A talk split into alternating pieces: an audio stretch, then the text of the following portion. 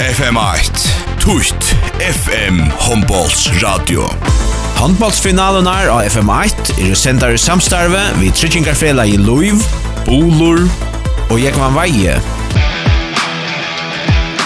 Handballsen av FM8 er sendar i samstarve vi Faro Agency og Vestpak. Og idrotteren av FM8 er sender samstarve vi Movi.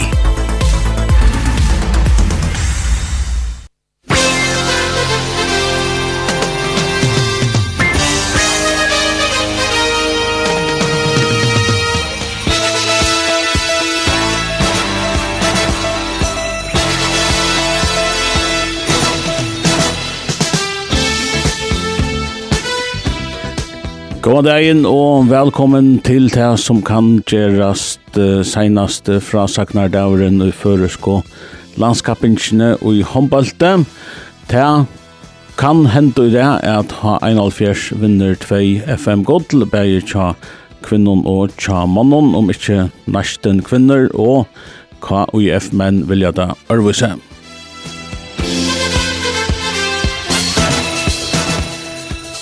Klokkan fem, til sig om 20-20 minutter, så börjar tria FM-finalen mittlen SMS-line H104 og Næstan, og her er H104 820 og i oppkjernon. Klokkan halvkon åtta, så börjar Burn-finalen mittlen H104 og KUF, og her er H104 820 og i oppkjernon. Og etter mersker at uh, vinna line tja H104 trio FN-finalen i kvöld og i dag, så er det de line Heinalfjers fyrjameistarar bægi i SMS-daltene og i Børnmanns-daltene. Og er vi uh, setta beinleis til Sjur Heldarsson Høydal, så skulle vi lykka endur høyra nekka tog som han sier vi trønd arke i sportboksene i jar. Eh, og så færa vi vujare til Sjur Høydal, og nu færa snikva seg om håndbolt, og her henter ikkje minne Sjuror, er vi akon? Er ja. Yes, sikka nå. Og Sjuror, uh, ja, jeg vet ikke hver vi skulle byrja. Skulle vi byrja vi FM-finalen nå kanskje? Og det så luttla fitta fint i byrjan, jo bare sier at, at, at, at det er slik FM-vinnaren vi skulle finne, at det er 41-vinnaren. Mm, er, det, er det så greit? Kan han ikke henta? Hva skal henta for å Heinald hvis ikke vinner FM i ørene? Och så männar för så sport jag Hjalta Mor Jakobsson om just att det här han var serfröing vi och kon höstkväll i Kottafyr. Och han säger här skulle en eller två skriver till det så länge man måste färra att Paul Jakobsson skulle ut, Peter Krog skulle ut och så var ja. Tog jag månaden Lena var så stor hever så stor i tvärtan time det dess. Och hur så kan så kunna se att att profilen tror han för skulle kanske inte räcka nivå och kajafarna skulle räka sitt allra bästa stöj så så kunde vi ta en diskknapp ja men och jag förstår är till till gott och ta till ta till mig bra bra sämja om allt här Sefringar som plever FM1, vi tar så från Bejt Heidi Johansson, Hjalta Mor Jakobsen, Julian Johansson, kan jag säger det själv att han har detta. Så det här till, vi tar väl i det bästa linägren nu, men till att för nu bor till det bästa linägren nu. Och det är ett otroligt stärkligt som hevur rakt hevur rakt eg halt særligt jo er så støy er er himmel høgt og til til til trupla kalfringa fylgja vi. Så menn tar er ein stor for ryttar tar vi at høgna faktisk søyan tar altså menn tar ein så søyan tar for til kallafjær ta i hest til fyrsta toppdesten og da står Sejan 5 i hollæs og så halti søyan tar har vi vita.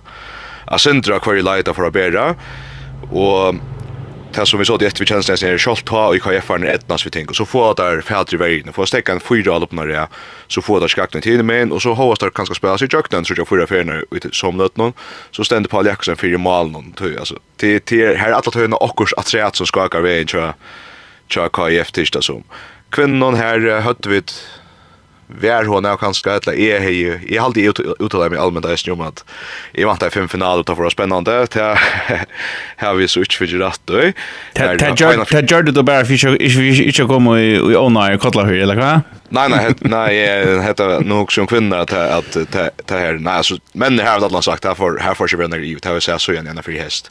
Så jag stod der en jol ta jag har för for för ördesvink og fink alle sånne lägger att altså var en där skav på Jackson spalt och Shirley Paul mitt och vet du chans spalt länge tog ju all mitt och kom ju helt vi för för nu i sidan i halv ja och men uh, till kvinnor här här här vantar vi det sent till mera spänning till han försöker kanske inte rakt det här stöj det här rakt ett helt helt särskilt stöj men hörde inte rakt och tappade ju sen step finalen i mot Chinless som nästan ju vi var så vant på sig i halvfinalen men och i finalen själv så har han försvär rätt om man hade säljer varje stund att tar inte har löft nästan till Mölagar och så såg vi Eisen Ron och Larsen jag kom back i mål och få där sin första mål i natt och tappade upp att Mario Verna ta ta var neckvassar ta och och ta blev ongan gjorde spännande mycket det och och skräckta tidsdags som har vid Asan att ha att Jag färger mästaren vi har funnit lärde och tar vi er en fyrst som vinner sitt första FM heter och till... Talsigt, det är inte mer spyrja kväll ska till Fredrik 20 va? Jo, jeg vil nästan här här här här skulle få få allt sitt beste spill. Her var en øyelig ungan hopp och men här her framme fremme så øyelig å være til, til nok så einfalt faktisk nesten alt. här her skulle byrja bjerga, det från vanknen, och och och så, så gikk det att at, til at skrønne og kjødde opp. till til sinne til Esmir, men her er jo otroligt kvassar och kommer til øyelig gode møller til höna och tog jag vil se at her verjena og her bjergjengarna som vi så i halvfinalen ganska. Det var en stor parst av det var at Johan Aldøms bjerg en nekk fra vogn mot Kindle og i snir distan som det vunnet ganske løsner ovant i snir Kindle, ja. Eh, så for Heims ut av første distan og skåra tutsi mal av vogn i fyrir halvleitje og så må verjan pakka spreis langt ut om mot vogn og så er plass mitt fyrir men mot Kindle her fikk man liksom stekka mitt fyrir til man kunne lave vogn om jøkten og till resten till till som jag tycker att att att han förstår om vi tar som bär men när kvinnor så är det rättliga komplett och säljer varje stå är, är det rättliga komplett och och och kan rösa det minsta misstag nu och, och ta värd och trodde tror på spel mot dem. Eh, hvis vi så tar att sjuste dysten som är när vi är där och och hur så sammanpackat det vi landslagsfär och allt sånt. Ja, det är rymligt avhörst. Det tar verkligen fem layer där en kvinnan nu må akkurat med förska över. Nu kan fem och halv 8. 5 och halv åtta. Och allt men drar att känna vi ett känner vi förra mästaren och så för landslige är land no man morgon. Och här är så trutcher har en fjärr utdyckner och en kolfringer som och är faktiskt allt här till fyra där urförjon runt över som som förra att ta ett till. Och ta ta kommer vi vant att utföra tar så tjänar vi sjön ner. Förra mästaren och koffringer ner är själva vinnar och då kan man liksom kanske ens fokusera fullt på hesar dystna framför mot Tyskland. FM 8. Tutt FM Finalo Hombolts Radio. Handballsfinalen er av FM8 er sendar i samstarve vi Tryggingarfela i Luiv, Bolur og Jekvan Veie.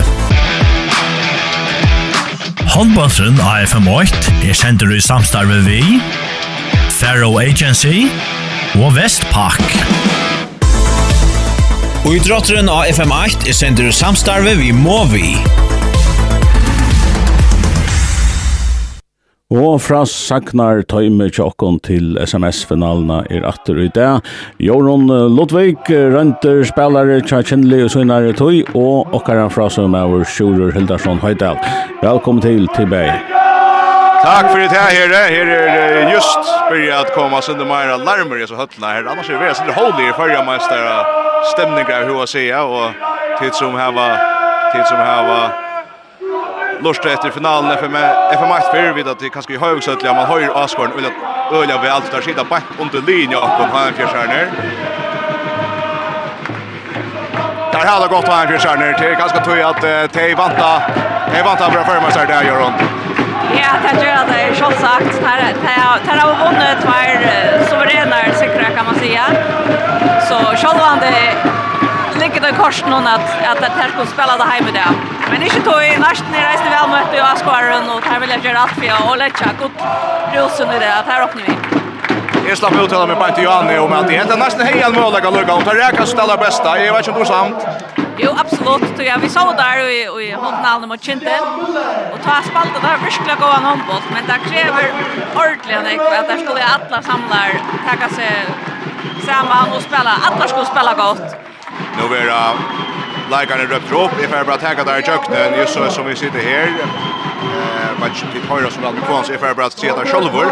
Eh Silja Müller, det är nästa nästa väl Silja Müller Malberg så är det Herbert Bara Hansen, Maria Possetter Nølsøy, Solbjørsøy, Jovanas, Jovanas Stanjana, Stanjana, eh, Malvar Gjersnep, så Brynja Høy, Ingon Persson, Frida Holm Jakobsen, Silja Heinstøtter, Nadja Pejovic, Sara S. Mikkelsen, Anna S. Mikkelsen, Lea Mår, Petra A. Larsen og Bjørsk F. Johansen. Og Bajstun Tja, nesten nere, Stina Massen og Dejan Lajok. Tackar bara Heina Fjörslie. Rune Larsen, Malberg som altså gjør det comeback efter en Lutland skia i Aero FM FM finalen alltså Tusk har tar vi var här och gjør stor mål nästa. Hon er i Malcha Heina Fjörs, så är det där Elsa Ekholm var B. Sakariasen, Björk Brimnes, Maria Haveje, Karina E. Rubeksen, Brynjen Polstetter, Eva Barba Arke, så alt er skjære, Eisne Malveje, så gjerne Løyv B. Zakariasen, Ranva Olsen, Sara Jakobsen, Luka Arke, Jana Mittu, Merda Morsen og Kori, både til A. Borg, nå vet ikke om vi får jobba til fire fakkene som er nå ta i Hanna Fjertjerne, Herre Vera kløpt der opp. Vi får røyna. Eh, Nekka så vi skulle være spent på Suttjo, og Nekka så Lorstar skal være spent på Høyrøy da. Ja, jeg tror vi at vi har noen kjørser, vi har spent av Suttjo, Janne og Marie. Det var større spill i alt år. Och så kör han ju runt där så kan spela en skåan, det är ganska bättre än han sist på nästa hon. Och nästa linje hon här då absolut Maria som vi är spänt på vet om hon kan ta sig ett nivå upp till det som det är hon är en brandgård handbollsspelare som man antar det kvar. Och så må ju vanna i mål någon kan nästa någon här var en luxusdist där vi ska ska dricka ett sådant här och vi. Det är så schaffer Johanna, man vet att hon kan. Ja, absolut. Och nu åkte jag den ju upp i den knä. Jag känner henne nog så väl. Og til Lulli avgjørende til henne at hun färden har gått upp i den och tagit några bultar. Och där körde hon alltså i det. Så det tecknar godt, för henne. Erna Morsen, vet du när senaste jeg har røpt opp her, så går i Aborg Og høyre av Øyre Tja, og en av fjers og så benker ned innkjøp Olsen, Mars, Lausen, Mars her, Johan, Ari Gansen, Olsen. Og så vil Ringskåer, så vil åpningen seg gå av det styr, fra Hattarspiggarne om, Det är så det ser ut. Heina Björkskärner så ut första FM Heite. Det är inte rymliga kött, men också riktigt sitter på Bojan och det där som kommer så stövna att jag spelar vi om FM Heite. Ja, man är Bojan några år och jag kan kanske inte spela in en sån här att Nu har jag varit här i Sidney Bojan lunche och här är det ett näst och klarar där, där klarar där och hött det kallt. Det har det visst för att det inte klarar i fjöldömes och förra men jag tycker väl nu är rutinan är att nu är det. Det där rockar ju faktiskt en støvna så han gjør seg har vunnet tvær dist til. Nästa ska vinna hentan och så en annan träd och så en annan träd. Det verkar och så också tomt där i mot kostisten har vi det. Jag jag vet inte om man eh det ska så ta ett utanför så verkar bräcka så något tungt. Jag vet inte likar kanske är för här så. Jo, hon är tung alltså Tar man är steg i stövne så är det öle tom. Det tar det chips inte på sjön att ha en fisk. Kvinnan där tar huxa bara en testa träd alltså kom nu och ta klara vi. Men nästa ska huxa vad ska vi ska klara trutchar. Och ta ta är så själv när öle tomt men vi ska klara och lätta då i det att ha en fisk nästa. Så ser det sitter inte bättre ut nästa test. Vi vill sen det över till början uppsättning. Säljer Malm och till Silja Müller for å byrja i Malm til nästa og nästa for å byrja vi bulten her i trio og møvelig og senast då FM finalen. til Jag kvinnor över brukste gång just nu. Av vinstra av til nästa er Frida Holm Jakobsen. av vinstra Bachi Nadja Pevic. og min er Solbjörshöj.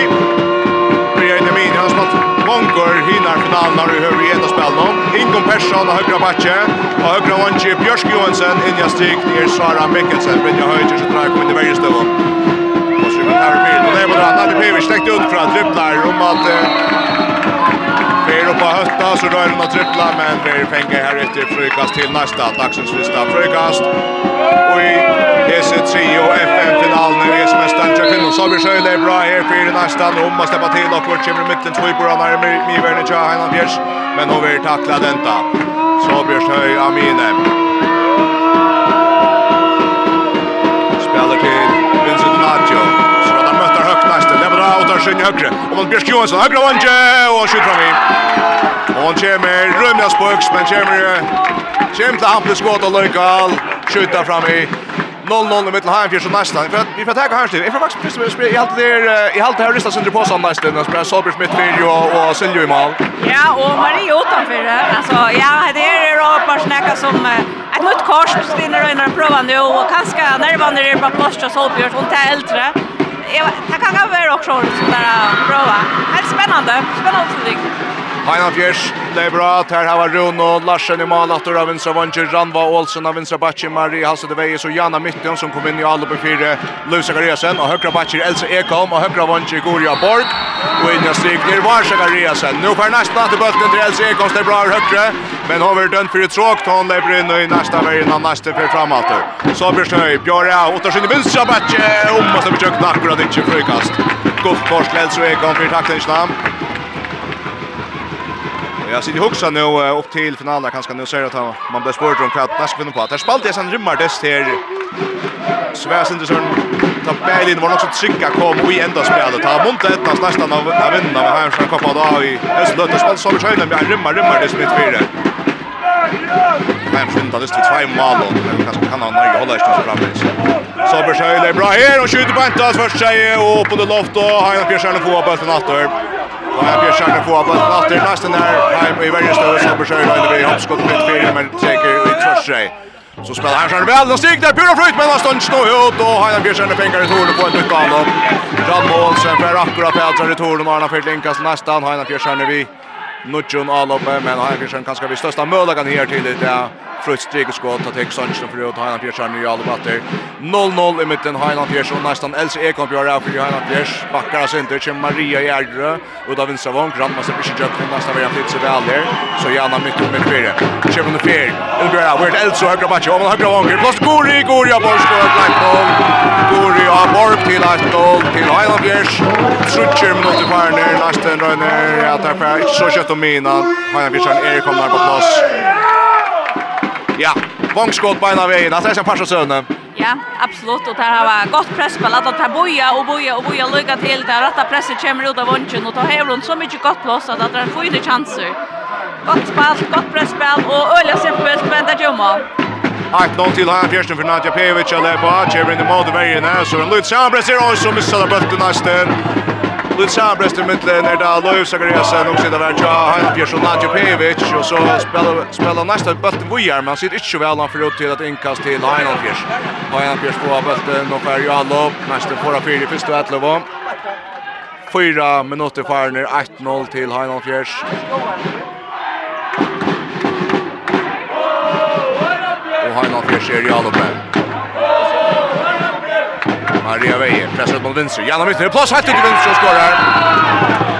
2-0 till Lionel Fjärs. Janna mitt och kommer också i mitten. Vänstra vank och vänstra back och finner plats. Det här kommer en livgång. Det är liksom plats här ute. Väl time och väl sett upp 2-0 till Lionel Fjärs. Fyra och en halv minut i färden. Nästan i att jag alla besöker sig. Kort tvärfinkar loft så kör där til avtalene. Gjørst Johansen kommer rundt og presser fra høyre hånden og høyre bakverd. Nadja Johansen spiller match kommer Ingon inn midt fire. Bakkar der sender nesten. Gjørst Johansen presser fra Ingon. Ingon har lyst til plass eller hva? Ja, vi takler den da.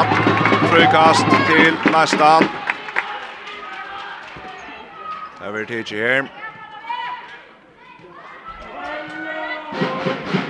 Så blir Shiva spelja. Gjør out. av. Rønner finner Nadja. Nadja blir møtt høyre. Blir ikke skått fyrst i alle. Så blir det taklet om. Tretjan utvisning. Utbussen til Heinon Fjers. Vars Zakariasen skal löt.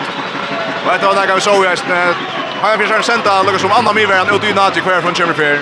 Ja, och Larsen Röjner som att spela Nati upp till att komma in i Vimina. Och så ja, kanske är synes det er strengt hver, hver minutter bare veien, men, men hänger då i. och ja, han har blødet seg kvivi, tar upp vi. Bara Hansen kommer in och skipa spelet så spelar då Davin Savonka. Anna Björsen nästa men nästa kvinna jag ska skulle se och så Björsen höjer inte här nere och just ut spel och hon släpper jökten men hon skjuter alltså fram vi åter 2-0 till Heinolf Fjärs. 2-0 till Heinolf Fjärs. Och Heinolf Fjärs att jag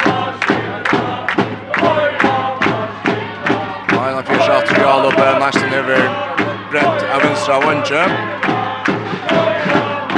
Vi har nått en skipar spelare där det kan mal bli nu när vi kör ner. Vänstra vänche Janna mitten på Björn där utar skynne så Ranvåsen jökna vänstra vänche och skorar trick. 3-0 till Heinolf Fjärs. 5 shot 6 minuter kvar nu här. Och han fjärs skorar vänstra vänche och tar skorar för högra vänche för vänstra vänche nästan över brett av högra vänche brett av vänstra vänche. Det är också så fast. Ja, det är öle enfalt och det är öle enfalt system som Heinolf skorar. Det rann var för en halva övergång ligger bak av batchen och nu förstår att här alla dina. Och så tar Jana kommer ut om av batchen så ränner de på plats och blir fri. Och då spelar sig kvinner väl gamla nöj och tar vi brottskast. Sara Mikkelsen fänkar bulten håta och vi ränner ut för cirka 3 till Heinolf Fjärs. Det är Nadja Pevic som lever in mot minne, släpper i fyr och så finner hon Sara Mikkelsen. Hon är inte fru Sara, men hon sluter sig läsa. Och så finner hon Sara Berga brottskast och ein har en fjärsärskall ut i två minuter. Nästan tvär flyer av Ötlån nu i halva minut och halva antal sig att det är där en flyer. Og Frida Holm Jakobsen skorrar dagsens första nästa mål. Minkar månen till tror jag. Minkar månen till tror jag. 6 och en halv minuter färden. Och Heina Fjersson tar av Malberg ut og spelar vi fem leikar nu all uppnån. Där är 6 om 15 sekund.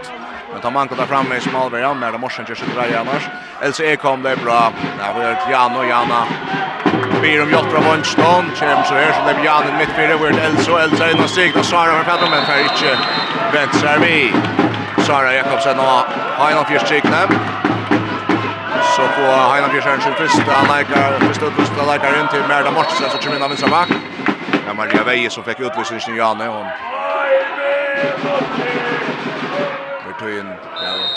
stekker spjall, vi lukkar stekker her, tjej minutter, tjej en halver minutter færen, tror jeg til Heinan Fjers, Heinan Fjers er nere, og Jondo Telle, det er bare ute, vi til Korsjevald stem, nå kommer han til dameren opp, det blir Jan og han midt fire, og så sløyter han sig i Jønkten, og ja, men dribbla seg faktisk bare Jønkten, nei mot Reinon, 4-1 til Heinan Fjers, Jan og midt, og Heinan Fjers er halda fast, kjøpten der Jondo Telle. Ja, og da ble vi gjør det samme, han var halva i gang og forstår alt, altså. Ja, nu är rockna vi att stinna till kött hemma åt i öll för om alla jag innan det kom men men så är snart till att att det här är inte så riktat det kom för. Fyra till Hanna Björs vid spalt i 8 minuter. Nästa kvinnor i Vitali 8. Nej, halva minut att det ska vi se. Nadja Pejovic och Stig där väl fänga Brynjo och så rymmar Bjärching och ja, Hanna Fjärs man någon. Av allt och av skärre. Allt är skärre ständer man och Bjarkar för jag sig skådar från nästa någon. Fyra til Einolf Bjørs. Og alt er skære, nesten sko om at hun var kommet inn etter her, og hun får faktisk ut og sett seg rundt og skal inn etter her. Rymmer Bjergjeng. Absolutt, altså øyla god Bjergjeng, men nesten jeg kom nå til en trutja fyra, 100% chanser, og skjøtta få boi og av målmannen. Ta må der få en om nå, et lær der vi i dysten opp, han er veien. Det blir nesten å få bøtten, LC kommer bra til Nekut Juttar Sjøyner, og at den blir tråkig, Sofie. 4-1 til Heiland Fjers, nesten færbølten.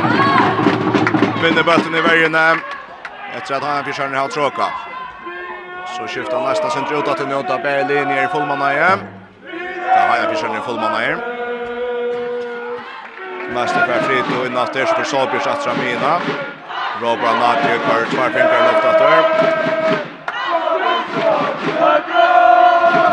mitt fyra backa center. Jim Harrison Jim Harrison spelar också läckt ut då vi ser så bärs nu och Kiva spelar där backa center nästan så det var där in och vi gör det och blir tackla just där som så i bulten på tvåtran och lägger man där mål sen tränar fjärs frukas nästa nästa släpper skärsen där nästa varvar till bulten Det var mitt fyr, så högra backer, Inkon, Inkon björ över, tackla, man backa. Hansi Thomas upp nu har blivit en halvring, tvär halvring, Nadja mitt fyra, Sabir, Sabir släpper fram vid Visslagaren och så bjärkar Runa Larsen här efter. Vi är inte helt flytt skott, men släpper det skott, Sabir Söj och Runa Larsen bjärkar. Fyra, ett till Heidelfjärs, kött touch mot Farner och Troplagan som nästan er till att få ej och att han skorar ett mål på touch minuter. Absolut, men det är en öliga god eh Heino för Sverige. En och en är där näst största i nästa. Alltså det björs nästan inte backa upp det där. Janna klarar in back. Elsa klarar in back alla tiden. Där där björs det. Där är så mycket väl för det att klara en och en. Hörda Hemsjön ner och så var fram vid Holmnör så att han ut högra back och så Bjärkar Silja Müller till sig kom Jim Jökna högra back. Där spelar sig till Fria Müller och högra back att han vinner Jökna men Silja Müller vid Rymar Bjärking. Bjärkar vid bara någon och så kommer ju så gör hon sig så blir Sjöle bra Elsa Ekholm vinner. Tvåtest vi så Bjärs för tacklan han väl och vilja och nästa man match på något. Nästan jag lopp i 8-4-4-1. Tutsch och Oliver minuter färre än här och i trio FM-finalen i Tjökvinnon. Och så tar Stina Massen där mål. Det är kanske ett axels mål där. Janna Mittens grakt mål för Janna Björnsson och Olsen två mål. Gorja Borg ett mål. För nästan här har vi Frida Holm Jakobsen skorat här. Eina Male, du har skjønt ja til hun skal ta oss om uh, hans rivgång när Janna Björnsson. Ja, alltså det är öll fyra mål i här till kon på att att, att Randve är en liten rivgång bara hela helt givet till sin första back och ständer det här och där och där glömmer allt annat och så tar Baltur kommer ut efter så ränner hon bara ut. Så är det till hon från Jella Jana Barsen. Öla simpelt, men det är isen simpelt att få bara plats i värjorna. Och i all upp någon mån nästan skåra mer. Alltså det här kommer jöknen. Väl har märkt inte lika lätt som har en av er, men tar det komma så bränner det. Det här kom där simpelt inte mer. Och så öljen tänds där i övre. Nästa kvinnar kan det ikke være om just det samme som vi tar om her. Också där. Pratar jag åt det. Och så har det skjutit sin dröd. Nu kommer Maria Holstötter Nölsrøy in. Right. ja, helt, helt stor upplevelse någon och just enda spel någon. Bär sig i finalen någon. Men eh, just 20 ton. Hon Hon huxar sig att sätta sig en dam ända listan någon. teken til venstre kvart. Ta Køyra, så lever drar nästa kvinna. Ingo Persson högra backen, Maria Nölsö skjuter över högra backen. Spelar Nadja Pevic. Det är tackla några mitt fyra och väl upp i vötten och nästa allopp stegar upp och blir att igen frikast. Nästa allopp blir vi en frikast där. Kjemmer Maria skjuter på strikna på kommer på flera skifter. Så högra backen Ingo, Ingo Ivas och Sinder och frikast.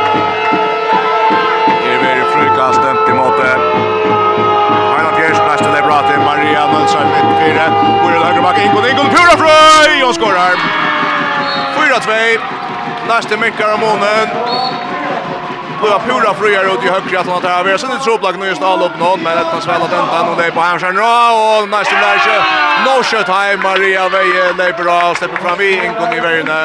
Og slår ut seg jøkten, så er 5-2 til Heimanfjers. Maria Veie! Men neste fjernfjellspill, så pura styr jøkten Heimanfjers verjene. Ja, där tar halda på bulten lucka till och så är det gott nog granva som rönner fiska bulten och det blir helt där så inne simpelt så öppet men tar straffa då och till till mamma och det är då det var gott spel till bulten Oj nu är där om man kör knappt så gott spel där bara en skakbolt helt högra backen och vänster vång och han försöker få Pedro nu med sen så ut till hotnakast nästa nästa var vid bulten Nästa var vid bulten Mariana så kommer fler mitt fyra Sänds fram i Värnes och går till Enkorna. Som bara startar vid in av högre mot mig in i efter och tar att tackla här till högra vånch och James Lenk.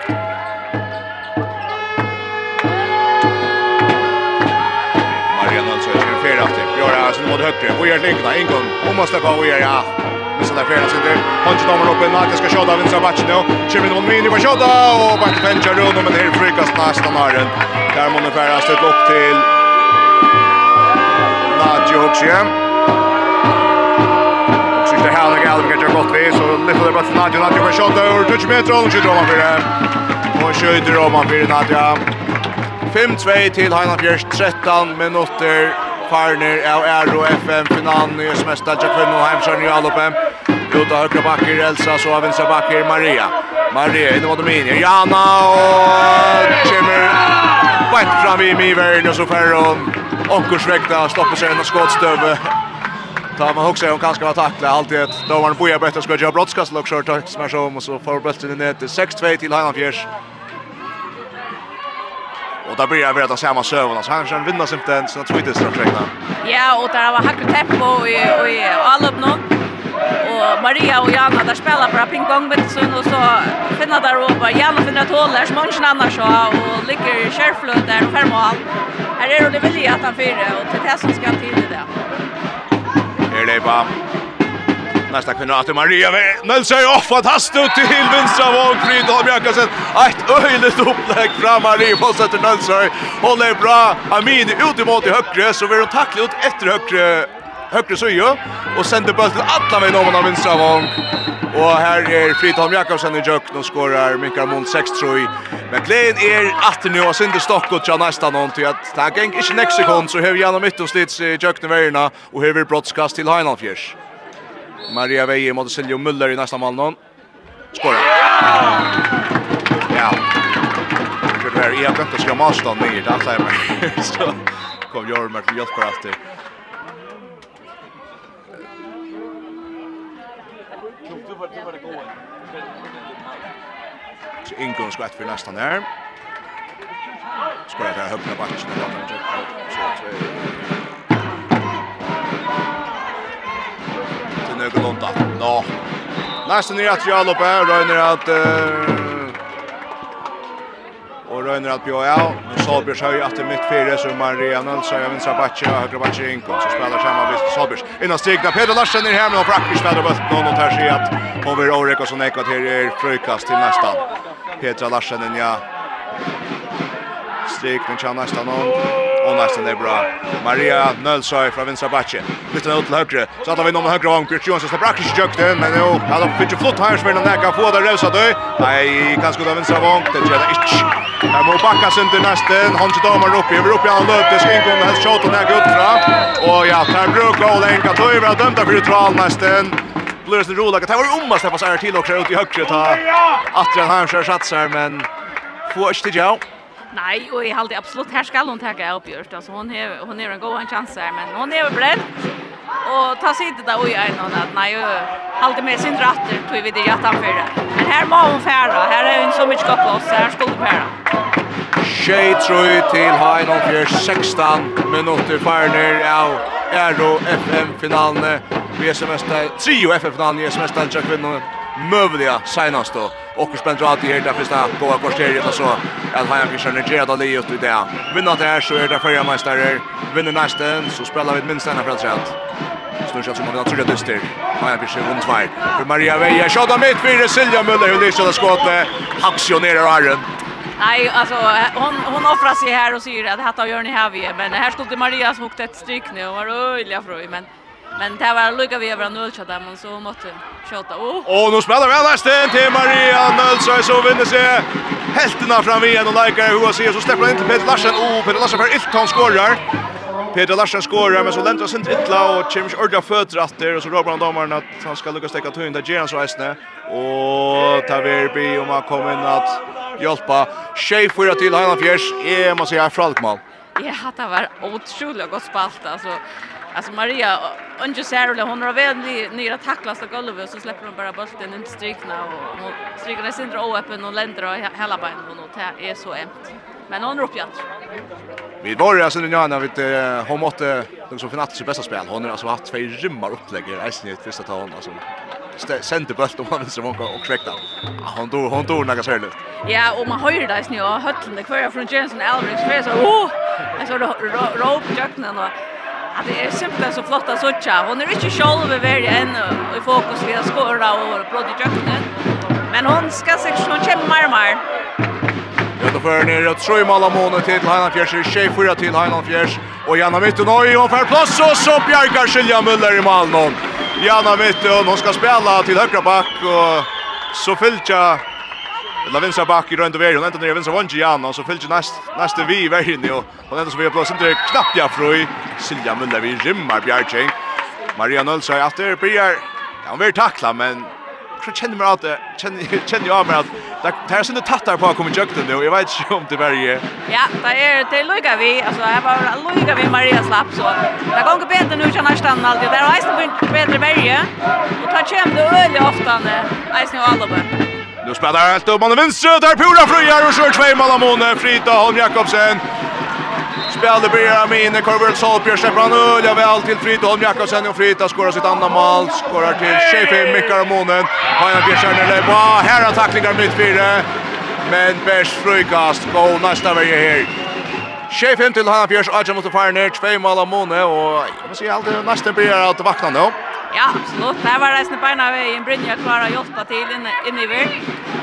Och alltså det som man ser där väl och nästa lägger nu där är mer tentrajer och där kommer bättre bulten om skjutare och värjan är näckmar kompakt. Nu är gärna mitt och gånger ställer nog så väckt ut om och där Giro nice och skorar 8-5. För rullar bratta matchen och släpper 8 så in och så skorar de där så vi får över några fjorda mål. Helt nu har vi spann om det 8-5 till Heinald Fjärs. 8-5 till Heinald Fjärs. Nujjan minutter, knapper nujjan minutter farner av så trio möjliga avgörande i FN-finalen och i SMS-steltene tja Vinnon. Narsten och Jalo Bjartor. Det kommer Petri vi här. Så lever då från högra batch innan Mina. Marina Nilsson jobbar skjuta och hon får bulten i målet. Synder Heppe, bulten bröjder Purasta Karlsson. Träffar en bejlagare. Men målet heller en snäck. Två mål om Moni åter. 8-6 till Hannafjärs. Hannafjärs i Jalo Nästan är mycket månattig. Maria Weile bra för Hanfish. Vill genom mitten. Hon har åter plats och släpper efter kökten. Och åter Hoas hon vill kröst vid alla vill så släpper hon bulten text i nätet. 26 till Hanfish. I alla mitten hon eh, Och spelar väl där nu för att lycka ta nästa allo med Maria Nilsson. Och stigna Sari Jökten och för bulten in omvis Malverjan. Malverjan ser från gott på ja och någon lider på yta. Lider på yta Malin i mitten så nu. Nutcher sig till Hanna Fjärs. Nu går han bollen då på vägen. Ja, det kan kötta is snö och och en man så Erik Berg och Jan är och så kör nästan bara vi och spelar in och strykna ett heter det gott. Passa tempo. Ja, nu är fem mål. Hon är sin månen att nu aldrig. Ja, och hon är han som körer då att jag har första och stäcka upp. Och där har ringt vi att halden. Jo, Merda Morsen kom in så spelar vi Marie och Jan och Märta i backchecken i Hannes Merta. Märta Vi fänka här i första röntgen. Kommer fjärde i mitt fyra. Så flytar där nästan sig. Sindre ut och anser Jano. Maria skivar spelar också näkt attra. Så vi vinsar bara till Jana. Jana där vinsar gång. Grann mål! Jag spux i köknen! Oj, jag skorar väl. Tutsch och tjej till Heinolf Fjärs. Ta blod att jag spelar allt och du skorar så spux. Ja, att man är vänker så skorar så är det så, så är det Och jag ringde att det går upp. Du tar kanske slå där en våg med affärer. Du där där får man allt. Ranvo Olsen, sin trea Male, Tutsu Tjej til Heinolf Gjerskjer, Tjentria Male Månen. Petra Larsen kommer natt til å strikne, tja nästa om. skåra i Valjane. Så som skulle gjort i Tjentria Male, ta i, om det vittjer av ötlen. Han dreier etter så blir sjøy mitt fire til venstre til Marion Nølsøy. av inn mot Mine. Stepp fram i det første leggeren og ikke lasta frukast. Frukast. Touch og skje til Heinald Fjers. Og nesten i rattor i Alope. Sabersøy midtfire som det venstre til Mario och inn mot Böjne. Sabers björ av og Iva som sätter sig för Mario. Tjum dommer damer har brukt en halvering. Ingon, vi är møtt Och jag högt träff för Mario. Stäcker av Björn stopp. Det här är en tvärs och träff till Oj, där missar bulten. Nästa kvinner og han försöker på han. Och så kallar brottliga Ivast Ölt just all upp nu nästan. Ja, alla från Sjölen så första och så boja i på att det var där kort men det var bara en och en att ta in och inte torrt i att brotta. Så går runt Maria och så var strykan vi inte att de själv hon ever ever pax pensa kon chilla. Det visst själva vad kvar andra gjorde. Ända så bara vi har missa bulten nu i nu i Heinafjörsbergen och Heinafjörs är ju alla bjattor. Tutsch och tjej till Heinafjörs. Heinafjörs är bra, mer det morse, det mot mine. Det är lustigt plås i en björn över tackla. Mer det morse där. Tar loven ni nåt. Tar tar vet att hon vill ordna gärna lägga tröst och så spelar hinna backarna. där. Och tar alltså öl gör det. Sätter mer in och så får alltid hinna backarna ut ut och jag tyckte där. Och visst också kvick för skjuter mer spärr. Men hon kan kanske röna nu. Janna mitten av vänstra backen Björn över tacklar vi mist och tacklar det där istället. Men det var så, och då skiljer hva du mener. Så hun kommer inn her og hikker tilbake noen og stedet for meg. Ja, og Darsten vet det. Hon ständer i tjat i batchen och som hon dammar väl, högra batchen. Tar det rikt som högra hon komma vi henne och skåta. Så det är ganska tog. Tar, tar på byen och sen den tjata. Tar satt in i byen. Nu får jag hemskjörnen. Där kommer Jökvi Randvoldsen, men Hesfer för hon inte mål. Silja Müller Bjarkar och i nästa mål någon tutsu tjej till Hain och fjärs nästan om att fighta bult i borste. Där så på ödet nästan kunde där att ta där skänka bult vart där. Att latta han soff. Och nu kommer Minkan ner i två mål av Måne. Silja Müller att det Garjing från vänstra vånge som vi år det ska låsa på att Janne är svårt bättre chanser men Marvin Bjärgar Herver Niklasen i den högra vånge kan nästan få igång där så spelar där några mitt fyra nästan vi får trösta där efter Ingo Persson till Maria Maria ska finna bak för Sabers Sabers och tar skyn i vänstra över Dakla Leo. Frikast frikast Nästan Lebrator det bra en mot min är vi att vi nog så tatt i mitt leverje och all upp och så vi är frukast nästan och nödjan. Frukast nästan, Samuel Kjell är bra. Rot har blivit vingarna en gång. Alla vinner Jöklin och skorar väl. Kjemmer Jöklin utan skyn i högra backe. Ett känner han öliga väl och så skorar han. Håvas chansen ner sin i sportskurra sin bra Breyer.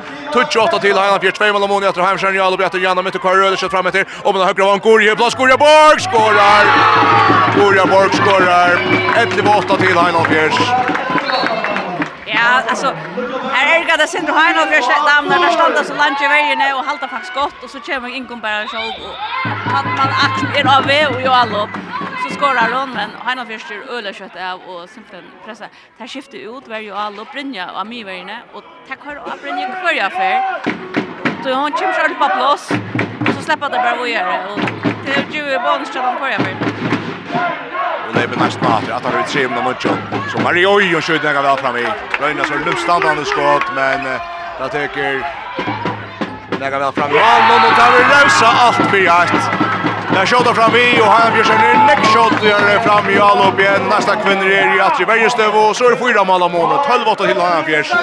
Och att det synd han söva nästan som vi tar sån neck om tar han spelar i Europa. Du måste inte misstök. Nej, absolut inte. Det här, det här blev straffar jag beina vid. Men jag halt jag vet inte, jag halt jag också jag Maria är inte 100%. Maria är inte 100% så jag att hon kör inte ordentligt och att det är akkurat som hon jag vet inte om hon har några skia eller akkurst. Att man känner hon inte ordentligt att för att det är så. Och det och det haltar öjligt och i alla spelen hon känner nästan hon. Det vet inte ordentligt vad det skulle göra. Ja, det er det. Sett Maria Bunchen av Lødden, Natt Kevich i natt. Annars er 3-0 til Vucing i måte Skala. 3-0 til Vucing i måte Skala. Her er fyra Malamoni i Haugsettli og i Trio FM finalen til kvinnen. Nadja Pevic. fyra på Sjata og i halvdje kommer til kanskje den mesta, besta møllagan hon kunde hugsa seg her, og han skjuter nekka vel fram i, og nekka vel om han fyrir eisne. 12-8 til Heinan Fjers. Og jeg irriterer meg syntes, det her har trobelig å komme en sjanse, men så må jeg strekke malen. Hatta ska Nadja skora på. Hon kommer vi öjlar för. Heina Versvärjan är inne om av femta innan och och för fröja en chans och läggt på. Kan man hatta mål skora. Eller så går ju räcka mål. Och nu vill det bäst in i världen nästan. Det blir ju höj som rödde röna fiskar på ett De för akkurat Norstian och så nästan på inte i foten och alla på en China fjärs också till Janna och så fär nästan på bollen åter. Ein karskommen og vel etna, Meirstöva tja, nästa han kommer nära att atrefer. Och vi är till Petröda som kommer runt av strikene, så backar det efter nästen. Lever av i Salbjörn, Salbjörn som har högt till Inkona, Inkona är lyssnat på som man har högra vång, Herber Jökten, Alta Skär i Bjarkar, Alta Skär i Bjarkar, Herber Niklasson kommer Jökten, Näkut, Näka Spöckstod i högra vång, skjut vid högra hånd, Alta Skär i Bjarkar. Her leper Haina Fischer, Jana Mytten, kommer Jökten, og Per Brottskast, hon til treffer i Vletjarnut, og da blir Brottskast. Och samtidigt en utvisning til nästan Brynja Høy. Skal ha vött i 2 minutter 12-8 til Heinan Fjers 30 minuter efter fyrra Hålla ikke Maria Veien vid brottskast i måte Siljo Müller og i nästa mål nå Nu har det Törvanar Bjergjeng nästan. Maria Veje. skårar 13-8 til Heinan Fjers 30 minuter efter förra hålla i stående 28 att också nu är nästa nu nu känns det som jag undis där men det är inte samma så så kom det knappt ut löt där han kör i Roman sen. Ja, han har för sig spännande på det sen tror jag så för att där att städer. I allt faktiskt det är nog så stora månader. Här är det öjla öjla kvarar på att att straffa bena vägen. Det han den utskiftningen som så att vi brinner hon är för sig alltså tar moren hem åren och så kanske skifta ut för att här här köra bara det var så beskär om att släppa fram i sin sunderläggare om vi tacklar detta och vi är det bästa frykast till nästan vi är det bästa frykast nästan nästan åtta malvärja här va Han lägger ut västan i gåan med något att det är att hyrt farm rätt och tvär minuter efter och fyra hålla jam. Och nästan Lebra. Nadja Pevic mitt fyr. Honche domaren uppe. Her Honche vil jaksa nästan nu. Renner backen ja blunta vi och i Heina Fjörsvärne. Ingen person där vinstra backen och där och färbulten här Björn av in mot som Nadja Nadja. Rönner till sig. Det vet sig inte. Han möter Rönne högt och väl tacklar Arna kommer ner vid målet nästan nu. Och så skuldar stilt upp på frukast. Nadja Pevic mot mötet på skottet och Alta Bjarkar. Och Färbälten fram i varje Vejegärn och allt det skär i Bjärkar. 13-8 till Heinald Fjärs. Så allt det skär jag kommer ner dysten, Orja. Ja, hon ställer fullt nu alltså. Och hon, hon har gott samspel med vägen och hon var tackla kan sjujorna i det och samarbete. Hon får nektaren att det skett och, och heja, gav Bjärkar. Vi hade det öliga stått att sutja lov och var i Mivern Heinald Fjärs. Det är fabelaktigt riktiga goar är det. Och så blir det sex mål av målet till Maria Veje som lägger bra. Näger vinner sin mittfyra. Och så centrumbulten till Saro Jakobsen som sänder till Rajera strikene. Det är så vägläggare i Richnon. Och här är mest som frutskater mot Malon Sara Jakobsen. Vi ser den första mål så 14-8 till Heinan Fjärs. Och men vi såg det ganska, synd det var hon kanske där förra spännande dyster så jag har skärn i att och det är allt på ett hållag.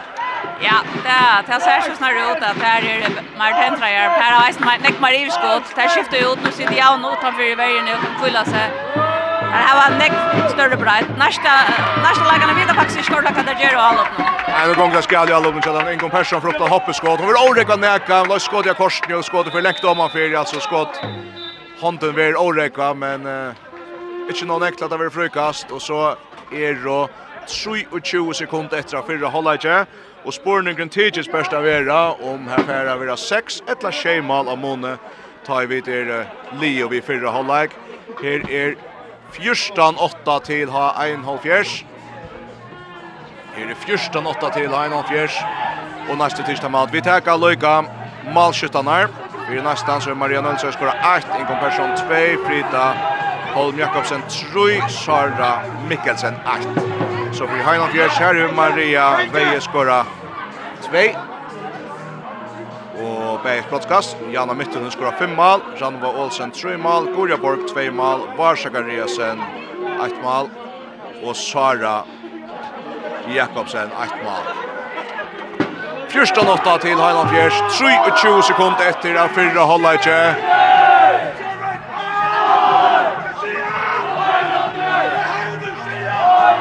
en av fjärsärner och i alloppe.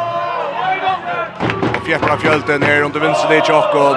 Och det går det och nu är det spitten om att känna sig sinne mer häck på att inte vara ut av ötlen så framvis. Och ska så ta till söjlinna här och i en tamade. Senaste 15 sekunderna nu. Heina Björkstjärner spelar bulten så innan mittlen. Holja. Holja. Mert Morsen högra backe, Maria Veje mittfyrre så till Mert och högra backe. Ivas Rödet, 6 sekunder efter nu. Maria innan stigknappet, så läser nästa bulten. Nu där får fram till Jadec, det kastar mot igen och Malia Reimal med ständer. Hålla går 14-8 till Heinolfjärs. Efter förra halvlek och det var alltså stöver här det var 28 till till Heinolfjärs och också nästa kanske i Hoa börjar sig synter tatt där igen men Så är det såste som hon natter och har en fjärskor i nästa fyra mål nu och så ganska en lutta mål där det blir fem mer. Första åtta till en fjärs och ja. Vi det inte sent att snäcka var FM makt men helt till nog snäcka samma man tycker fjärtrö att det att han är nu tre för vi sitter. Det känns som ett samma helt dust någon att han kör en house inte Maira. Det blir ju ordla ordla spännande. Nej man action.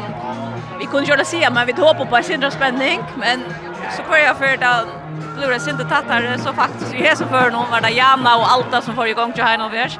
Janna får bara som en einmanserer och sätter tempo ju upp och och Alta tog några fina bultar.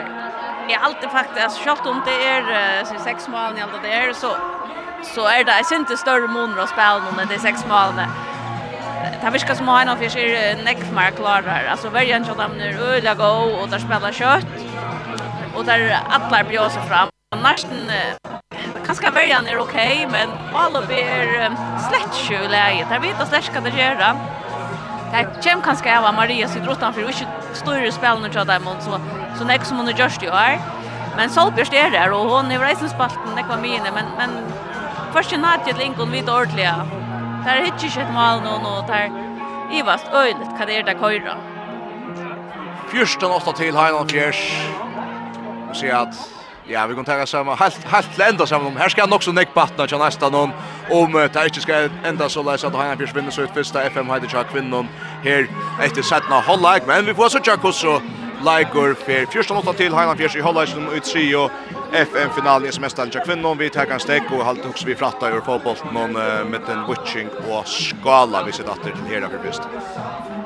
En av Ha en alfjers kvinnar er og 30 minutter fra skriva søvå. Vi færre atter til Høyvågshøttene. Her er og Jorun Lodvig og Sjurur Hildarsson Høydal. Kjørs vel. Ja, det kjennes som en avviser deppa av Luka. Førre mestere stemning er en, en høyre som bendra til Fera Vera. Ta sövliga förra heter vi hos om 30 minutter. Nästan har 30 minutter att bröjta till sövna. Vi får så Jekos läge för Erik och vet man ser att han försöker börja vi bollen någon och i sätta hålla inte men därför missan. Sunter till tillvilt där Lea. Nästa för tackla löser genom mitten och så släpper han inte bollen och dratt till Ranvo Olsen. Så är det alltså första åtta till Hajan Fjärst här Hollagstevan. Och Nästen är i första allop här i gör en hållage. Här spelar vi Silje Müller i mål men har för att ut i alloppen som spelar vi Shea Leikar nu i Alop nå. Maria Nönsra i mittfire, Solbjörns Höja, vinstra Batja, högra Batja, Ingon Persson. Av vinstra Vånche, Frita, Holm Jakobsen och högra Vånche, Björsk Johansen. och så är det här på her Petra Larsen och Sara Mikkelsen av Strik någon här för gänga Galcha nästan någon tar missa bulten Sen drar Brokero och så spelar Maria Veje väl. Atrom nackan. Inne Björra och i Miverne. Atrom nackan in till Pura Fria Strik. Spelaren var Sakariasen. 15-8 till Heinon Fjärs och nästan rätt i alloppe.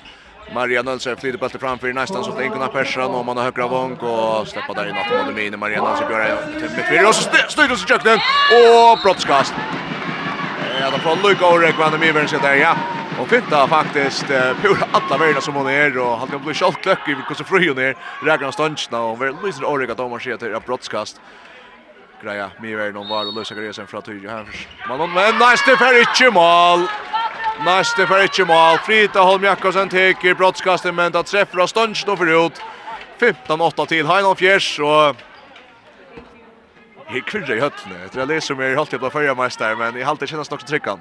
Absolut, alltså det, det är bara början här. och visste nästan Ashton kom till fina chanser och bränner. Maria spelar toppen på att vi har spelat rum till strikna och det är Ivis och ganska friren det tror jag att det är har en av förs männer lucka för ut så alla låt det ganska det.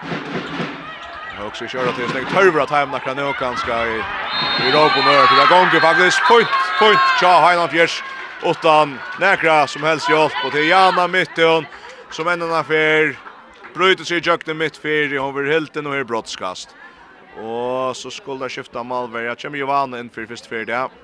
Jovana Stranjanac. Og tar leggeren vi tås om Arndisten skulle gjerne. Jesse Galdan det vi Nekkum Bjergskan og nesten skulle ha mølega. Kjemmer av etter for første fjerde nå. Vi har spalt i 32 minutter og 31 sekund. Silja Møller steia. Han pleier steisene. Og Johanna for Heldrich Petra. Så bratt skal stå fram Mario Veje. 16-8 til Highland Fjers. Og nesten er i undertal i tvær minutter etter en natt vel etna hein og fjers. Allop, og nesten er bra. Og jeg husker på to vi er i, inn i skifterommet om i stedsjonen og skal finne liksom, litt av høtti opp, så fer høtti, så dikks nir at han skal börja med sen hålla. Ja, og tar det ikke ringt. Altså, jeg råkker vi at Stine Venjer til Nærsland har ordentlig peppet der opp og røpt etter, men sagt hvordan det skal være, og nå må det være i den halvann tøyma at det skal gjøre det. Och så kommer där in och två allop och allt allt kicksar då som man säger och man ser där är snö kroppen och nästa lägen det är öle riktigt att trycka på det. 16 8 till Heinan Fjärs nästa för av Lutsra Blåsen och Frida Holm Jakobsen skorar. Ratteliga häktningsliga Kjemre Jöknen, så vant ju så gjør han lopp som lykker Lucas Strefar Ivle Jarnar ta fer mål det bäj Ivle Ivle Jarstone så för mål och så men kan nästan månen ner i schemal efter 16. Lucke. Och Heina Fischer i Albe. Maria Veje och då vänstra av Von kommer att alla med jöknen där jag inte. Så spelar ut att spela jättebra för Skärne. Maria Veje. Modomini och Stig. LC kom pura fröj Johan skorar. Sejan Mucho till Ha Einolfjers. Elsa Ekholm skorar i snitt av snittanspel 16 Nuccio til Heinald Fjers. Heinald Fjers er rødtje her og blir vi sett å holde ikke og også sier Gjera. Også sier att Gjera nok så kjøttlig ut här också. Så är det inte noen kvinner i høttene og Vånia Torsdammer i vittighet. Det var ju Gjetta Sirena som er ferdig gongt vi vånar bara att det är liksom där syns ju alls kan komma in så där skjuter sig mitt och nu hemma. Och så hittar vi att det vart och Här gång det faktiskt samtidigt nu kan nästan om vi all upp någon till Sabrsjö som är bra och bryter jakten över tacklar brottskast. Maria Nölsö tar brottskast i mot Jon Larsen i Heina Fischmannen. Maria och era center. Skorar. Scheman och Moniator Sejan Tucho. Sejan Tucho. Och Heina Fischmannen är nere på Maria skorar sitt mål nummer 2 i.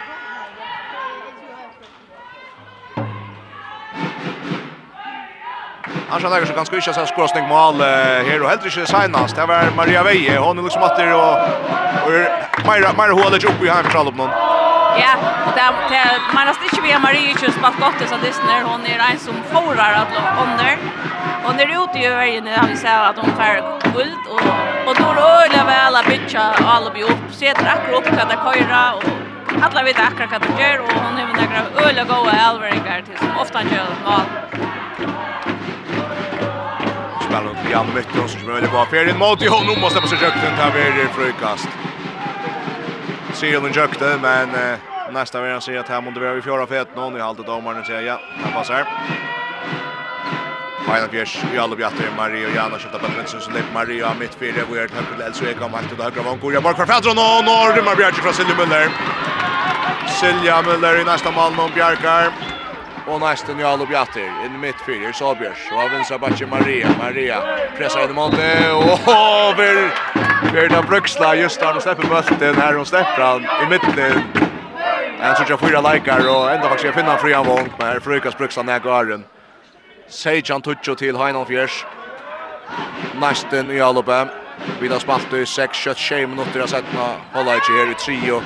Og møvliga, og vi må kjøtta av sånne helst avgjørende og senast og FN-finalen i SMS-talen til kvinnen 2022 og mykje nesten Spela akkurat så ser ut av vinstra vong og så brenner der Maria Nølse vi rymmer Alvin kommer av vinstra vong Befritt om Jaksson Rekar av stånd nå ut og så fer Heina Fjers og Jalo Batter Maria Veje släpper fram i finner Jan och toppar större chans och så är Achan Tucci Jan har mitt och uppgör sex mål i det.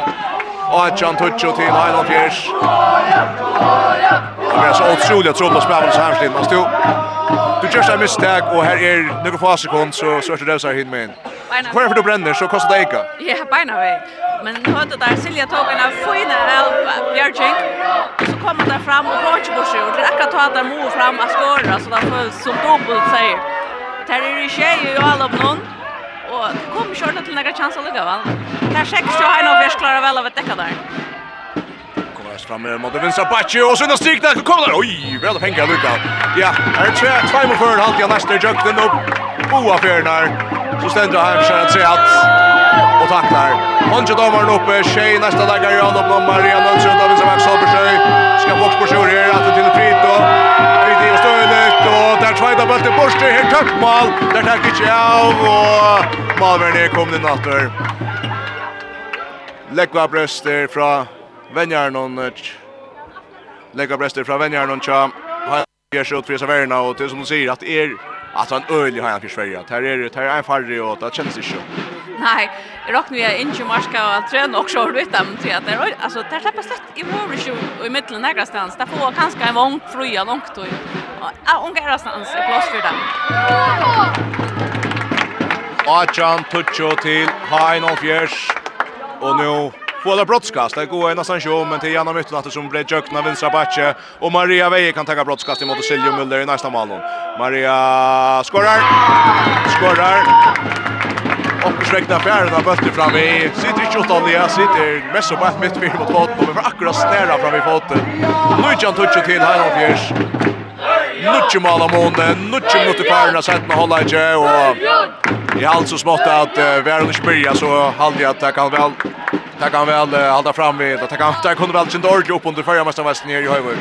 Ja, jeg skal, altså, det skal, och helt helt helt allvarligt hända vi ska ha en officiell från Stavias nu det här. Här spelar så suveränt alla melda sig in och spela verkligen som är gott främsta ligas. Alla alla väl från vånglång. 8 Malla månen ut, ja nu stund nu mickar nästan i månen till Ingo Kristina Persson. Kimmer Ottarsson i högra, högra batje. Nöjtjan 11 till Heiland Fjärs. Nästan hever Minka och månen. Ner i åtta mål. Ner i åtta mål. Nästan bröt och skjuter lutsen i varje skam. Hur blir höj och är i för maktverje. Och säljer ut ju ansett igen och mitten också. Heiland Fjärs är nu lepater. Ivesa center skulle lyckas lukka ta an kanske så nåt nåt vägen att nästan någon så leva där. Janna Mytte om bröter mitt fyr över tacklar väl. Men det tror ju nästa lägger Romana väl att nästa vägen är stövne. Spår ner att bli vi. Nöjtjan 11 till Heinolfjers. Tutsch minuter farner. Tutsch minutter corner outside the Holland.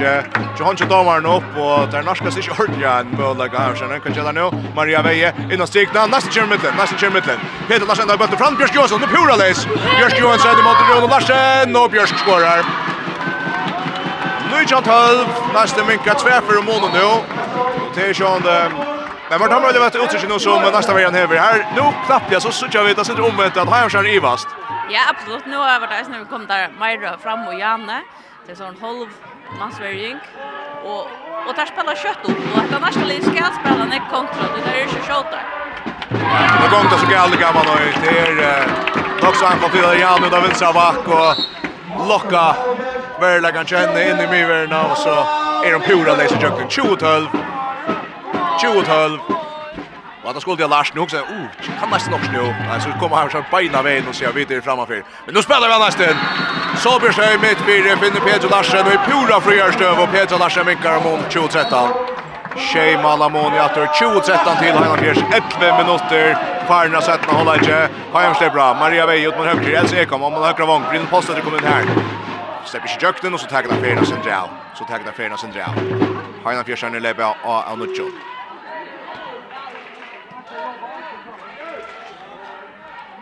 Maria Veje näcker mot högre alltså jag kom halt om en högre vankast. Maria Fer mitt fyra. Innan strykna var Zakaria som färdar bulten och skorar. 21-13 till Hein och Jörs framur välspalt. Utnyttat där långa armarna i Tja Tja var Roxie alltså. Ja, var stämt bara på järn.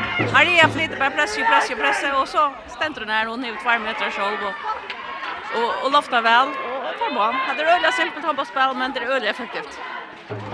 Och där för resten till att det är efter 8 mala Moni.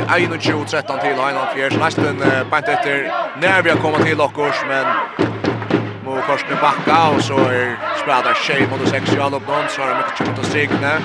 Spelar striken så här med Larsen. Så nu mot Bin här Maria Nilsson. Och där högra back högra back i ring om Persson och hon släpper akkurat i jöknen. Hon släpper akkurat i jöknen. Avslut. Sommersjøy. Björra, Will Maria, Maria. Innan strikna, Sara Mikkelsen, fram i, fram i. Där spelar. Se till, han öppnar målagan. Men det är också så, tar det gång till konkursåla så, så händer så över i Esne. Så kjålar kämpar fram i. Jag vet inte, jag vet inte om det har varit sint och fräckt alltså. Jag såg det inte så vi får spänning att det ena dysten. Ja, men Men vi såg det inte så var vi till spänning för att och när öliga froj. Men det är ofta en tema man hickar efter klockan och vi skulle bara få oss mål in. Man blir förspätter och det är akkurat vad man fixar alltså. Och det är nog det som händer ju nästan och där där skulle inhämta sån och få bara onka går det samman. Här det Hainon Fjers. Ja, Maria Veje. Inte Jan och mitt under Janne. Tryptar in mot Vine. Vi har mött väl och kvart för bötten Vujare och så blir det tacklingar efter. Jovan annars kommer natt deras Sandy Malcha nästan någon. Hainon Fjärs. Det är bra Maria Veje. Skjuter Jovanna Bjarkar. Maria Veje vid stannar om skottet mitt för Jovanne Sturpada. Så får pratar kött fram efter här. Frystick spärrar finnar inte visst att det var. Så kommer fram mot vägen och Solbergshöj backar vi är Maria Maria Maisten backa och så är Marian om över komma plats där halta tröst i körant nästan in mot min här Maria skjuter ut av vänster vång som axel jakten och där ska vi hålla tempo ut att köra där en god person vi ut att kra och så är Maria det här är Maria Nansar vi är till Solbjörnstöj och här där kommer sen inte jakten her er, her er, en flyer i all upp någon men alla tøyna er hendur alla i barna. Og så teker time out. Fyrir er fyrir det er 21-13 til Heinald Fjers. Vi tar knappar 16 minutter etter å spela. Vi tar malskjønner helt kjøtt. Maria Veie har skåret fyra mål, øtt etter brottskast. Jana Mytton Shemal, Ranva Olsen 3 mål, Gorja Borg 2 mal, Var Sakariasen 3 mal, Sara Jakobsen 1 mal, Elsa Ekholm 1 mal. Til er og til 21 og Heinan Fjers, og til nesten her er Maria Nølsø skora 2, Inkom Persson 3, Frida Holm Jakobsen 4, Sara Mikkelsen 8, Björk Johansen 8 mal, Petra Larsen 8 mal. Vi har lukka kvar hever Stola FM-finalen og tjock kvinnor her til at uh, tycker hetta verer, hetta verer til ham. Hetta verer den senaste finalen. Allt Ben Drat ofta så nesten finner fram til också helt, helt seriöst til maten någon. Vi takkar stål någon här. FM8 Tutt FM-final och handbollsradio. Handbollsfinalen er av FM8 er sendt i samstarve vi Tryggingarfela i Luiv, Bolor og Jekman Veie.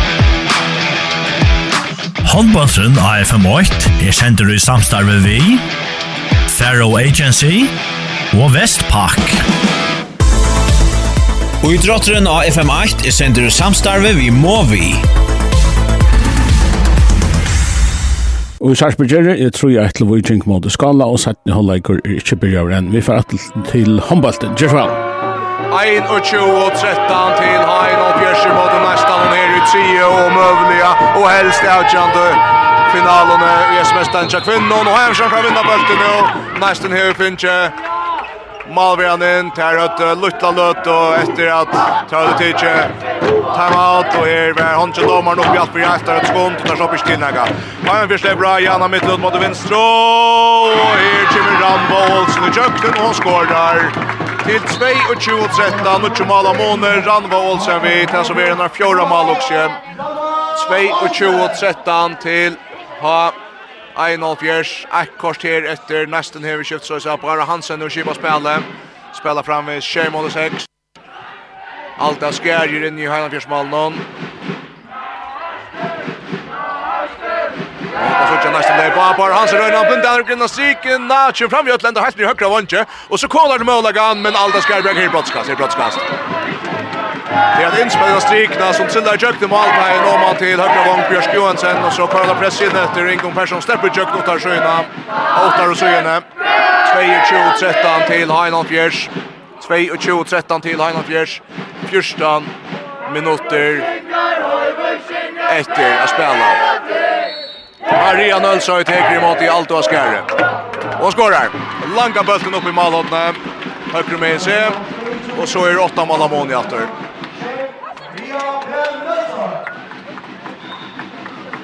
Men det syster, Ingo Persson, Per Gamle Kansen til Vildalion kommer til Mølgan. For Jøkken Ottarsson i høyre bakke, Rikke utrolig alltid i første finalene. Sjøen har nesten ikke sett det, men det er ganske styrt her, du har vel at fora fyrir du. Ja, hon er korsta enn, tror ikke fora fyrir det, og, og det er faktisk Jamie Mål, det straffet hon er gjørsta. Så det, det er helt sikkert Torud som, som uh, nesten må takka fram, altså til at inn mot mine her er øyla tjukk fyrir jo det er Ottarsson i mittlen vongobak, der mot køyra, och der rycker øyla ofta. 22-14 til Heinan Fjers i måte nästan någon.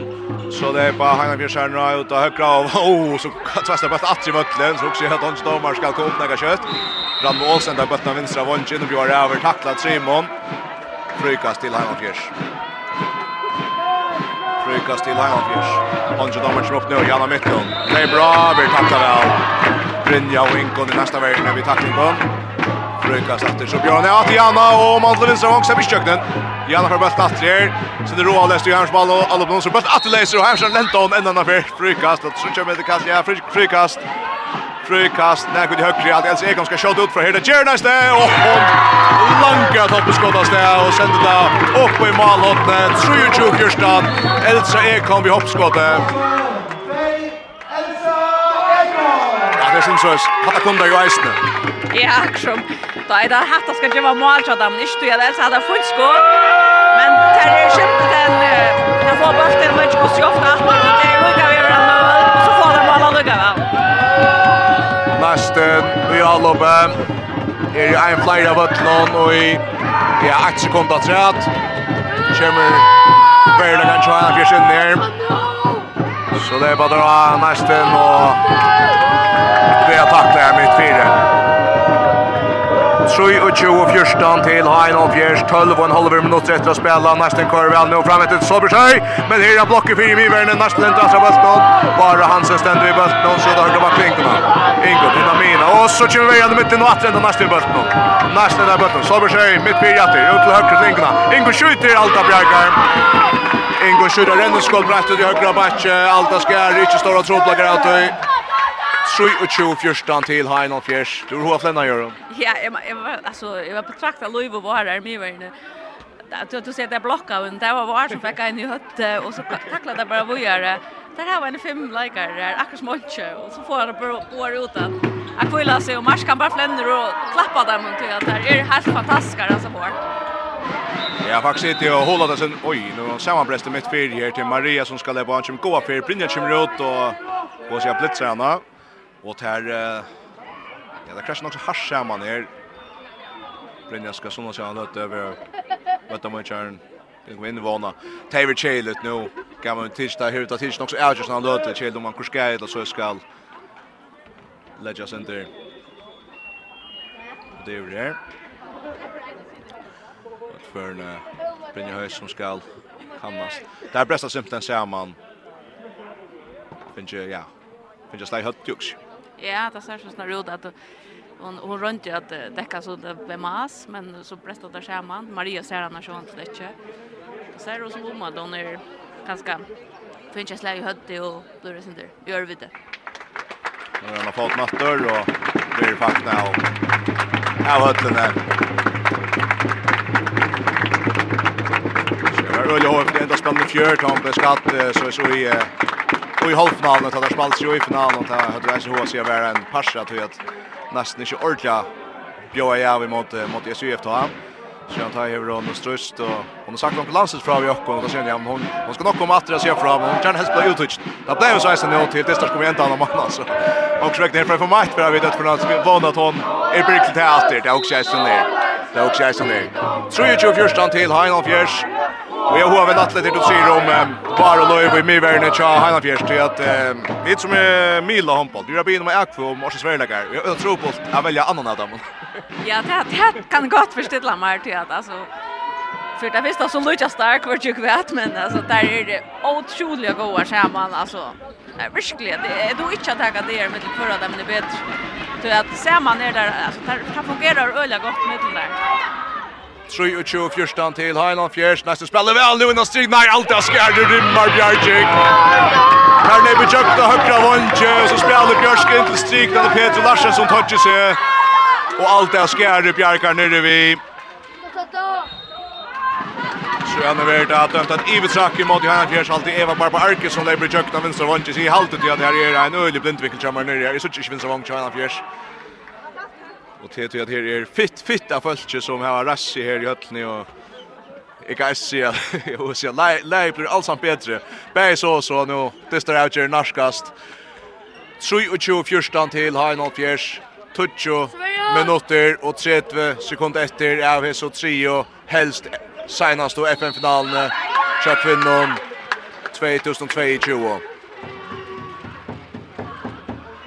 Og nesten er brater.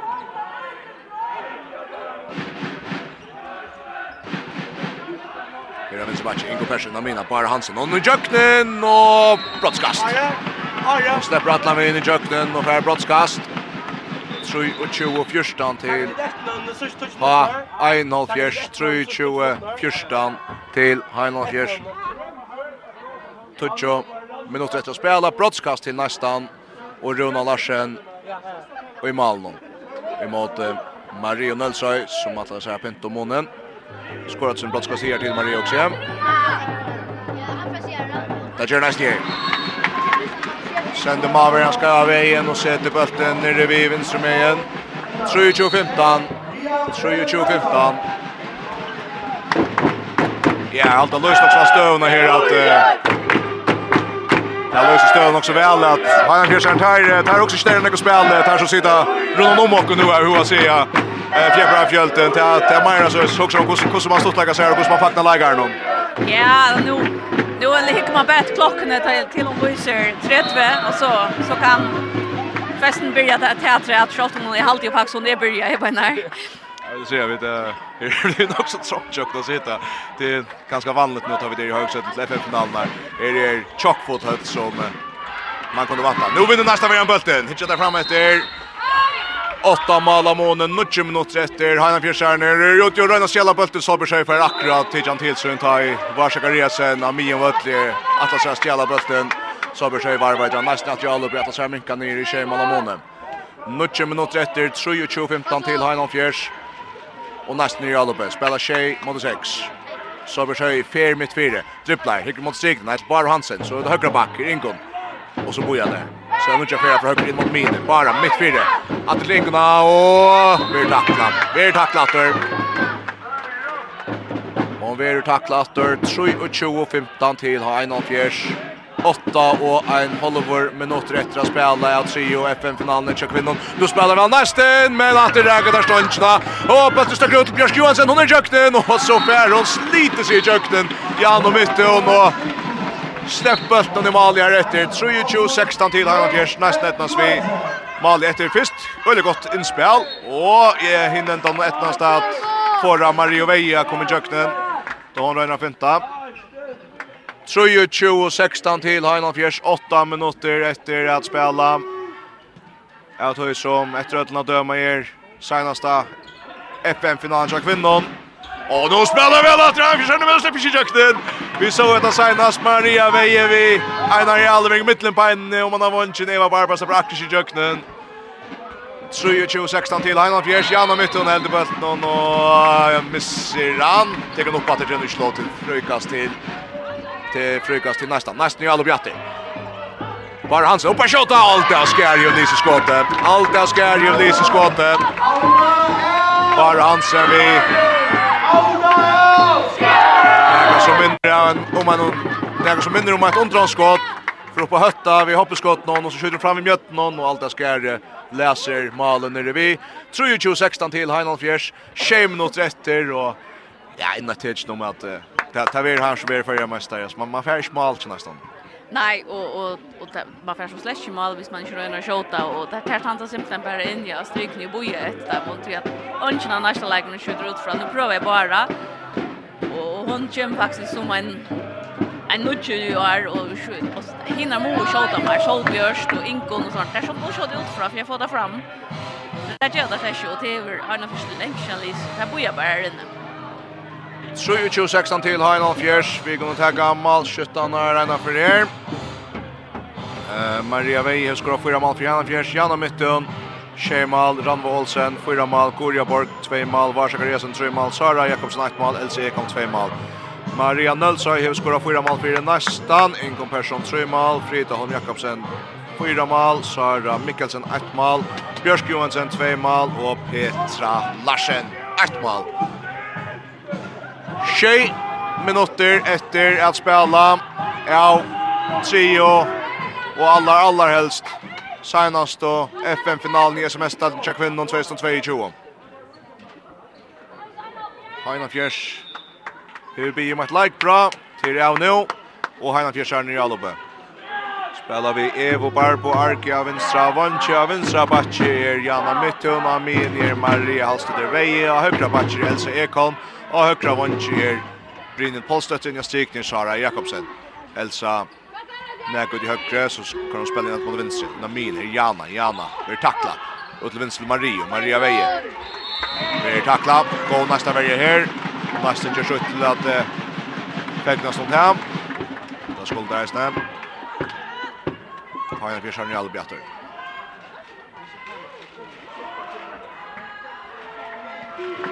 Mario til venstre til Jan og Mytte og natter til Mario. Men det var ikke vel så tagna bort på batter och lägger på åter.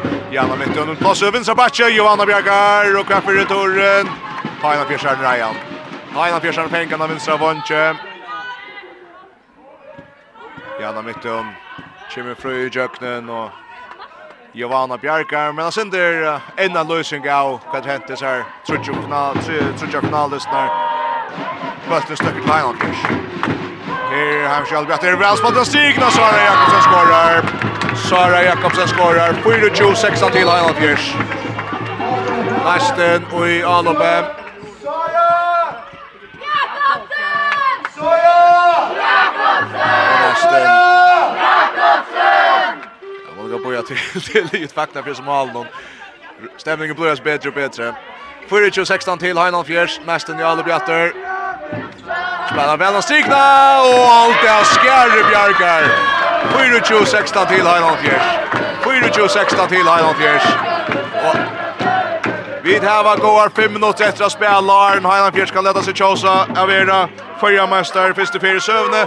Og alt er skjære i hånd. I reiser Oliver Fernand Tegga Loto i Det som fakta är någon vi flera rimmar bjär, rimmar bjär kon hesa sans lötna. Så tjå allt och allt det hon på så skjuta stöver as han ensam att som aldrig alltid stepa på det ganska spelar en rimmardest. Absolut och det teacher verkligen ek. Alltså hon är det är 100 chanser hon täcker så hon är hon är verkligen backa på att hela säga. det är jag nästan är klara för smalmar.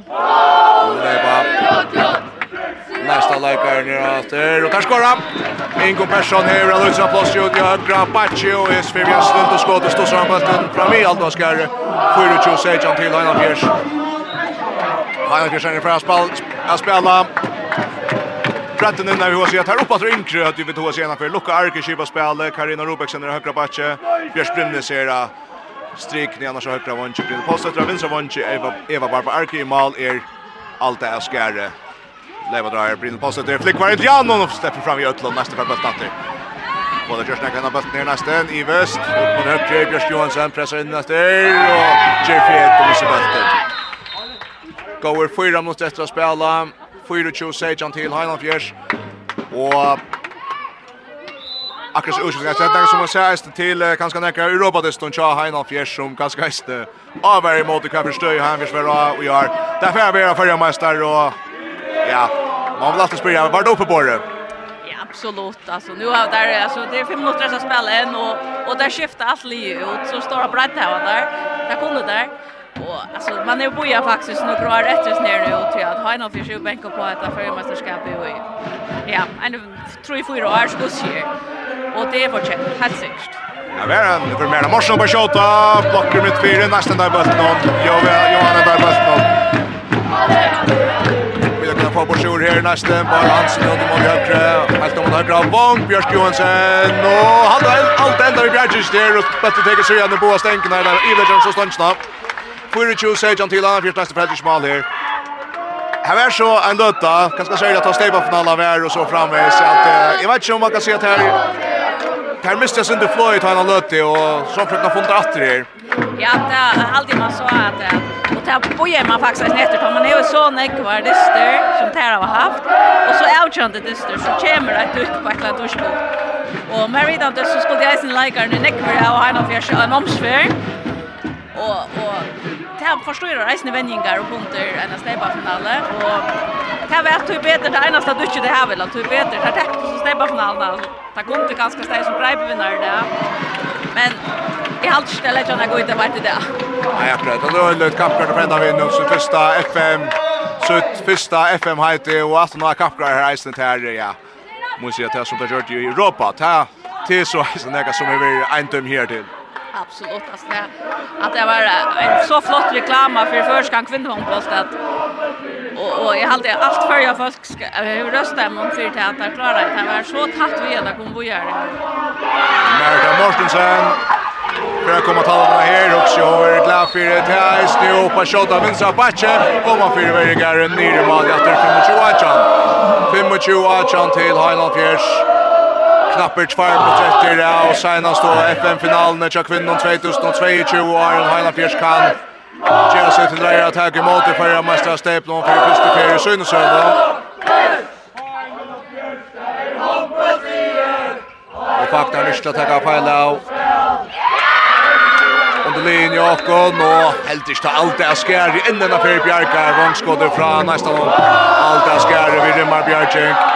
25 John til Heinolf Fjær spurningen er bakkus og står skir verer og Boston standa der atlar og i svørstum og gjør seg til reier at kunne stedfesta sutt fyrsta førjameisterheite så fyrsta førjameisterheite Vi tar en minut etter det og tar vi her og vi får ut av vettlen så får jeg spela nek som kanskje vitt spela nok som nek med Meir i Mansson-bolte Kvensen av star Man kan også säga att det kunde få utomlands, nekrar av dem, nekrar på filmen Ja, det, det kan man vanta at onkrar av dem er her. Her er en leikar som absolutt kunne gjøre skaldande utan hans.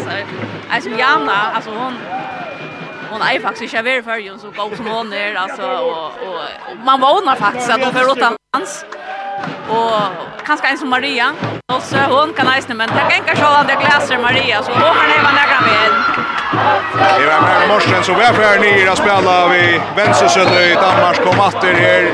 Märna Morsen vi kom atter här. och Jolon skorrar till 26-18 till Highland Fjärs. 26-18 till Highland Fjärs. Märna Morsen vid en malen. Nästan i Alubu. Vi tar 20 skott efter det. Senast då landskappingar. Minutten någon av senast då landskappingar. Sekunden någon i SMS-deltene 2022, og det er av Vera Bjørk Brynnes som fer